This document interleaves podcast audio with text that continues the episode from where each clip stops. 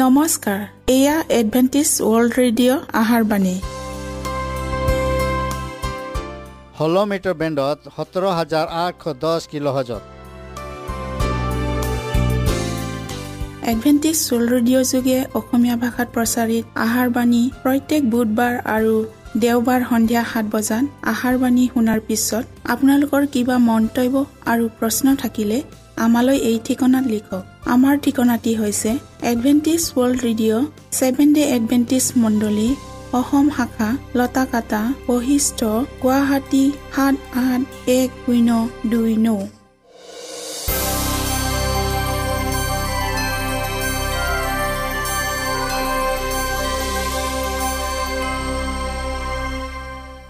প্ৰিয় শ্ৰোতা বন্ধুসকল এতিয়া শুনো আহক এটি খ্ৰীষ্টীয় ধৰ্মীয় গীত।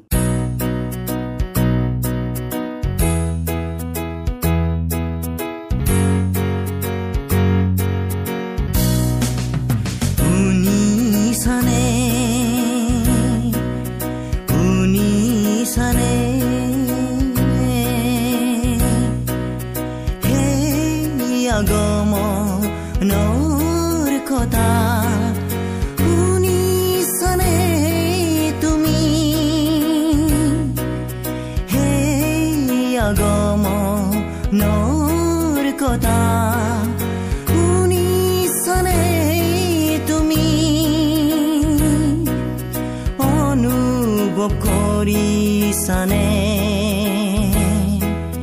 কিবোৰ গতি আছে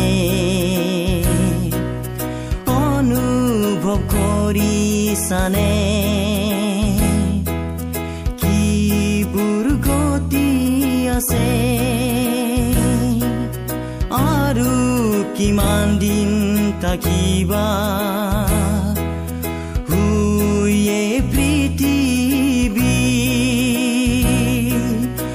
আৰু কিমান দিন থাকিবা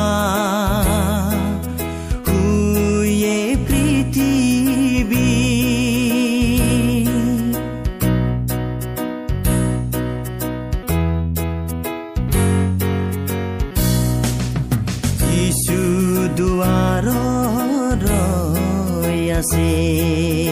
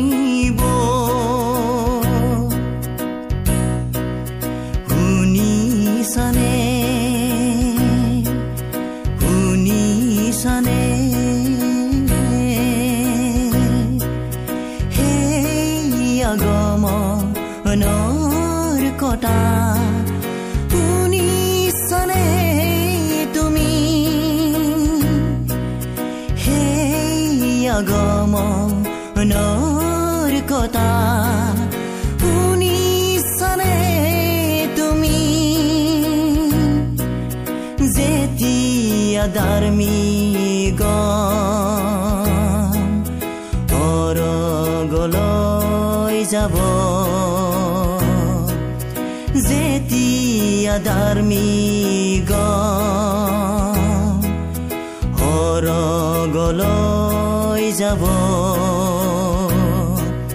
তেতিয়া তোমাৰ কি হ'ব?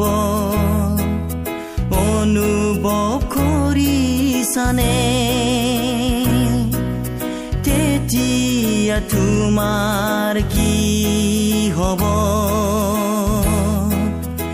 অনুভৱ কৰিছানে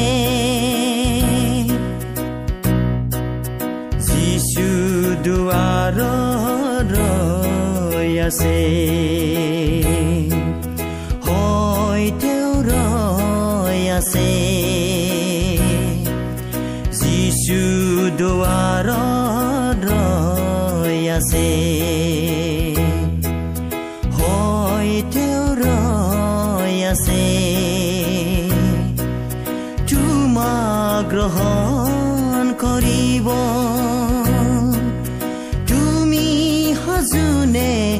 তেওঁৰ মাত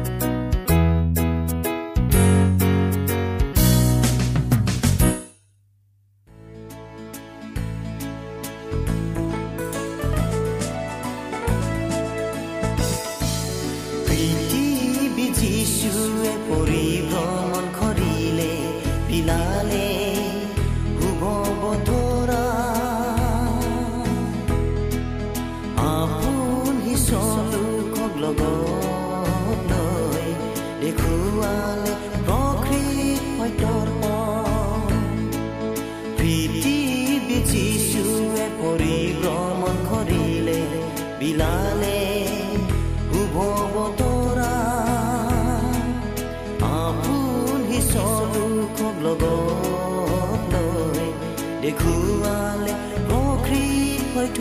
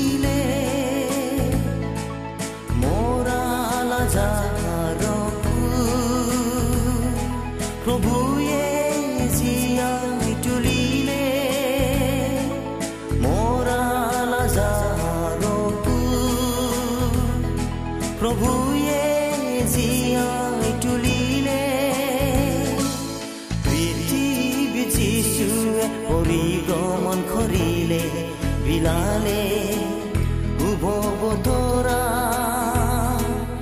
আপোন চলোকক লগত লৈ দেখুৱালে প্ৰকৃত সত্যৰ পথ। পৃথিৱী যিশুৱে পৰিভ্ৰমণ কৰিলে বিলালে শুভ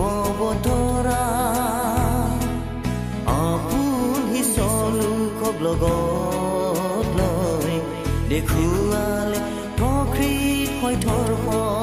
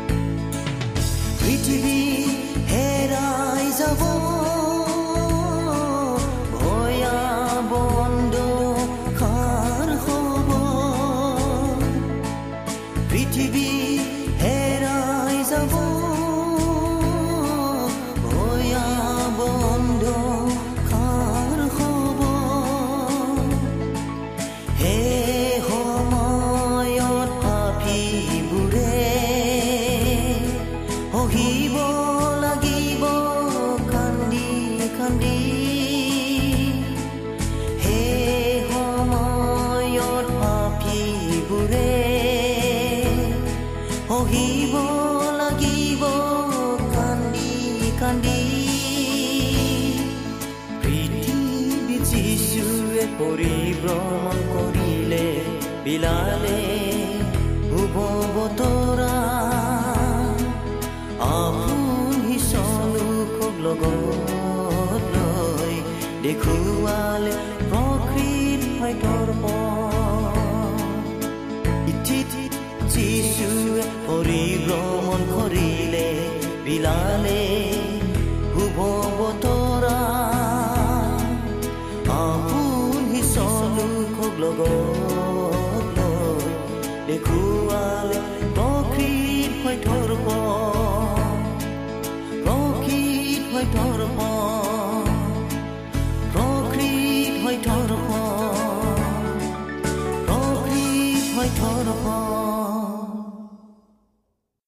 প্ৰিয় শ্ৰোতা বন্ধুসকল আহক আমি খন্তেক সময় বাইবেল অধ্যয়ন কৰোঁ হওক।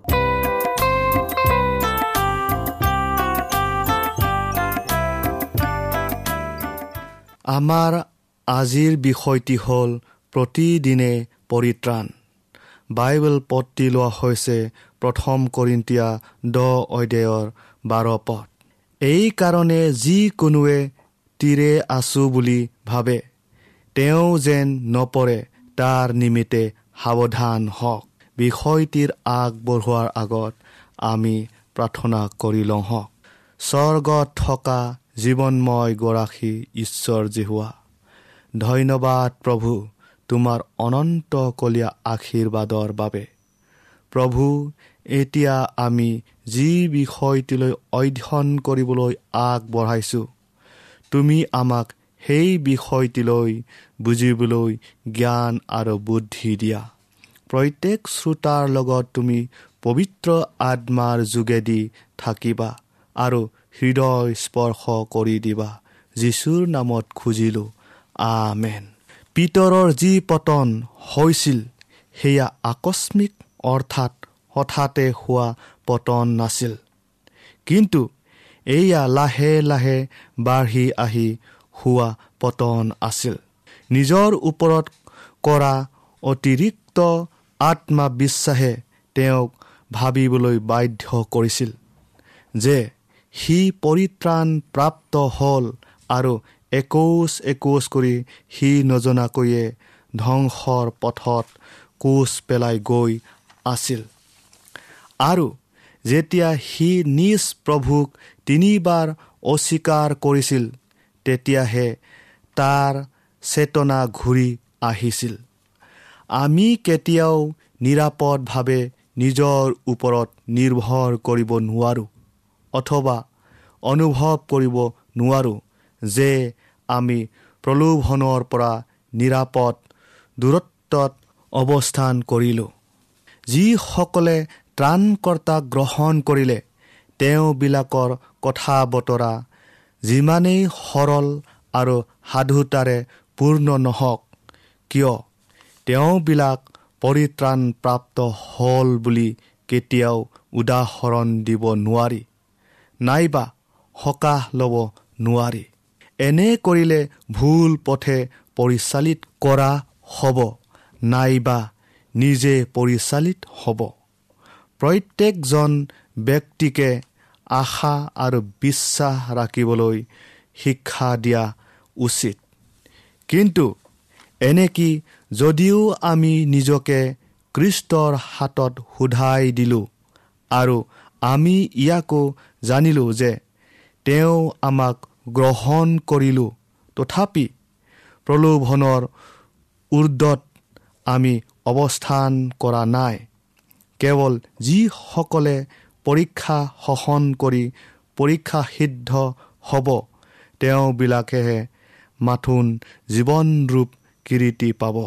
যিসকলে কৃষ্টক গ্ৰহণ কৰিয়ে তেওঁবিলাকৰ প্ৰথম বিশ্বাসতে এইদৰে কয় মই পৰিত্ৰাণ পালোঁ।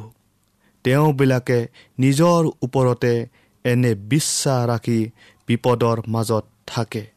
আমাক এইদৰে পৰামৰ্শ দান কৰা হৈছে। যিকোনোৱে তীৰে আছে বুলি ভাবে তেওঁ যেন নপৰে তাৰ নিমিত্তে সাৱধান হওক। আমাৰ একমাত্ৰ নিৰাপদ উপায়টো হৈছে প্ৰতিটো ক্ষণতে নিজৰ ওপৰত বিশ্বাস নাৰাখি কৃষ্টৰ ওপৰত নিৰ্ভৰ কৰি চলা। এনে অনেক ব্যক্তি আছে যিসকলে নিজকে ভাল খ্ৰীষ্টান বুলি পৰিচয় দি কেতিয়াও পৰিপক্ক খ্ৰীষ্টান হ'ব পৰা নাই। সিহঁতে ভাবে যে মানুহ পতীত জাতি সিহঁতৰ মনোবলবোৰ দুৰ্বল। নৈতিক গুণবোৰ পাবলৈ সিহঁত উপযুক্ত নহয়। কিন্তু আনফালে সিহঁতে ইয়াকো কয় যে কৃষ্টই সকলো ভাৰ বলে সকলো দুখ কষ্ট সহন কৰিলে আত্মা বলিদান দিলে আৰু এই সকলোবোৰ যেন তেওঁৱে বৈ নিয়ে তাক সিহঁতে কামনা কৰে। সিহঁতে এই বুলি কয় যে তেওঁত বিশ্বাস কৰাৰ বাহিৰে সিহঁতৰ কৰিবলগীয়া আন একো নাই। কিন্তু এই বিষয়ে কৃষ্টই কি কৈছে? কোনোৱে যদি মোৰ পাছত আহিবলৈ ইচ্ছা কৰে তেন্তে তেওঁ নিজকে দমন কৰক আৰু নিজৰ ক্ৰুচ তুলি লৈ মোৰ পাছে পাছে আহক। সন্তুষ্ট লভি আমি কেতিয়াও জিৰণি লোৱা উচিত নহয়। আৰু আমি পৰিত্ৰাণ পালোঁ এই বুলি কৈ বৃদ্ধি নোপোৱাকৈ থকা উচিত নহয়। আমি যদি এনে ধাৰণাৰ বশৱৰ্তী হওঁ তেন্তে বাট চাই থকাৰ যি মানসিকতা প্ৰাৰ্থনা কৰা যি মন আৰু ওপৰলৈ উঠাৰ যি ধাউতি উত্তমতালৈ হাবিয়া কৰা যি ইচ্ছা সেইবোৰ নাইকিয়া হ'ব। কৃষ্ট অহালৈকে এইবোৰ বিষয়ে ক'বলৈ কোনো সূচী জিভা বিচাৰি পোৱা নাযাব। আমি ঈশ্বৰৰ নগৰত দুৱাৰেদি প্ৰৱেশ কৰোঁ আহক বুলি কওঁতা কোনো নোলাব।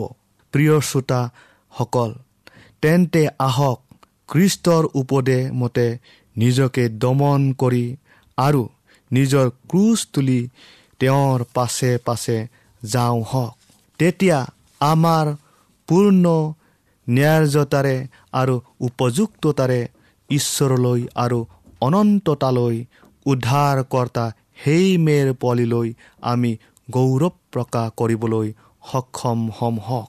দ্বিতীয় কৰিন্তীয়া পাঁচ অধ্যায়ৰ সোতৰ পদটো আকৌ আমি চাওঁ হওক। এতেকে কোনো যদি কৃষ্টত আছে তেন্তে তেওঁ নতুন সৃষ্টি পুৰণিবোৰ লুপ্ত হ'ল চোৱা নতুন হ'ল। পুৰণি প্ৰকৃতি জন্ম ৰক্ত আৰু মাংসৰ অভিলা এইবোৰ কেতিয়াও ঈশ্বৰৰ ৰাইজত উত্তৰাধিকাৰী হ'ব নোৱাৰে। পুৰণি অভ্যাস বংশগত স্বভাৱ পুৰণি পথ এই সকলোবোৰ পৰিত্যাগ কৰিব লাগিব। নহ'লে অনুগ্ৰহৰ অধিকাৰী নহ'ব। নতুন জন্মত এইবোৰ থাকিব। নতুন মতি গতি নতুন ৰুচি বিচাৰ বিবেচনা আৰু নতুন লক্ষ্য। যিসকলে পবিত্ৰ আত্মাৰ দ্বাৰা নতুনকৈ জন্ম লাভ কৰিলে তেওঁবিলাক সকলোৱে ঐশ্বৰিক প্ৰকৃতিৰ সমভাগী হ'ল আৰু তেওঁবিলাকৰ সকলো ধৰণৰ স্বভাৱ চৰিত্ৰ আৰু আচাৰ ব্যৱহাৰত কৃষ্টৰ লগত যে তেওঁবিলাকৰ সুসম্পৰ্ক আছে তাক প্ৰমাণ কৰি দেখুৱাব। নিজকে খ্ৰীষ্টান বুলি পৰিচয় দিয়া মানুহবোৰে যেতিয়া সিহঁতৰ ক্ৰুটি বিচ্যুতিৰে পৰিপূৰ্ণ পাপময় চৰিত্ৰটোকে ধৰি থাকে আৰু আগৰ কুলসিত প্ৰকৃতিটোকে ত্যাগ নকৰে তেন্তে জগতৰ আনসকলৰ লগত থকা খ্ৰীষ্টানৰ পাৰ্থক্যক সিহঁতে কেনেকৈ দেখুৱাব? হয়তো তাক এটা সূচীকৰণ ৰূপে এটা পৰিশোধন হিচাপে তেওঁবিলাকে সমাধাৰ নকৰে। তেওঁবিলাকৰ আচলতে নতুন জন্মই হোৱা নাই। প্ৰকৃত পৰিৱৰ্তনে বংশগত স্বভাৱ চৰিত্ৰকে সলনি কৰি পেলায় আৰু অসৎ পথৰ পৰা সৎ পথলৈ আনে।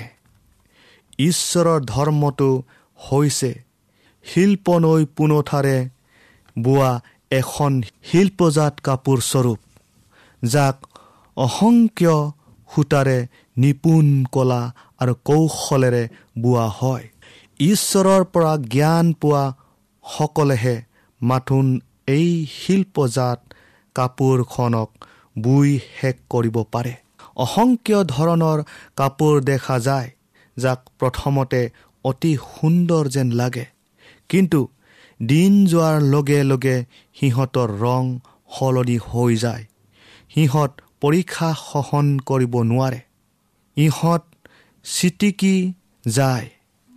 ৰঙো নোহোৱা হৈ যায়। গ্ৰীষ্মকালৰ টিং টিঙীয়া ৰ'দত গৰমত সিহঁতৰ উজ্জ্বলতা কমি আহে আৰু অৱশেষত একেবাৰে নাইকিয়া হয়। যিকোনো ধৰণেৰে ব্যৱহাৰ কৰিবলৈ এনেবোৰ কাপোৰ উপযোগী নহয়। ধৰ্মৰ ক্ষেত্ৰতো এনে হয়। য'ত লগা সূতাৰ দৰে কলংকিত চৰিত্ৰই সংকটৰ পৰীক্ষাত থিয় দিব নোৱাৰে আৰু যাৰ দ্বাৰা এনে চৰিত্ৰ গঠন হয় তাৰো কোনো মূল্য নাই। পুৰণি কাপোৰত নতুন কাপোৰৰ টাপলি মাৰিলেও এই ভাল অৱস্থা নাপায়। কাৰণ পুৰণি পচা কাপোৰখিনি নতুনখিনিৰ পৰা ফালি চিৰি গৈ আগত গৈ ডাঙৰ পোতাৰহে সৃষ্টি হ'ব। তাৰ পাছত টাপলি মৰা অসম্ভৱ হ'ব। একমাত্ৰ উপায় হ'ব পচি যোৱা পুৰণি কাপোৰখিনিক সম্পূৰ্ণৰূপে বাদ দিয়া আৰু সম্পূৰ্ণ নতুন কাপোৰ যোগাৰ কৰা। প্ৰিয় শ্ৰোতা বন্ধুসকল খ্ৰীষ্টৰ আঁচনিয়ে হৈছে একমাত্ৰ নিৰাপদ আঁচনি।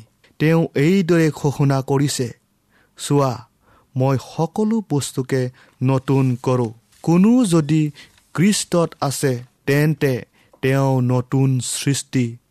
তাপলি মৰা ধৰ্ম ঈশ্বৰৰ কাম্য নহয়। তেওঁ আমাৰ সম্পূৰ্ণ অন্তৰখনকে বিচাৰে। প্ৰিয়সকল আমাৰ বাবে যীশুৱে নিজৰ জীৱন দান কৰিলে। তেন্তে আমাৰ সম্পূৰ্ণ প্ৰেম আমাৰ পবিত্ৰ উচ্চাকাংক্ষা আৰু আমাৰ সম্পূৰ্ণ পৰিশ্ৰম তেওঁকে দিম আহোঁ হওক ঈশ্বৰে আপোনালোকক আশীৰ্বাদ কৰক।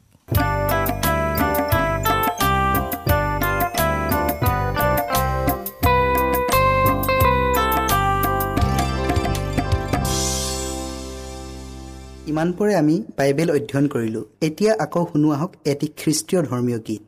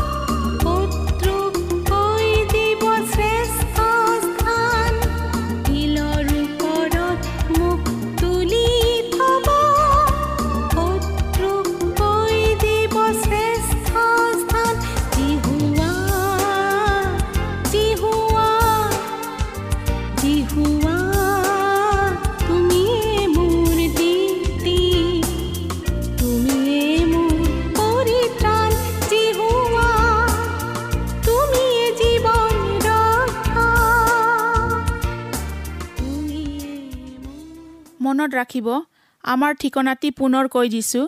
Adventist World Radio' Assam Region of Seventh Day Adventist Voice of Hope Latakata Basistha Guwahati seven eight one zero' two nine প্ৰিয় শ্ৰোতা বন্ধুসকল এডভেণ্টিজ ৱৰ্ল্ড ৰেডিঅ' যোগে আহাৰবাণী প্ৰচাৰত আপোনালোকক পুনৰ লগ পোৱাৰ আহাৰে আজিলৈ সামৰিলোঁ। ধন্যবাদ।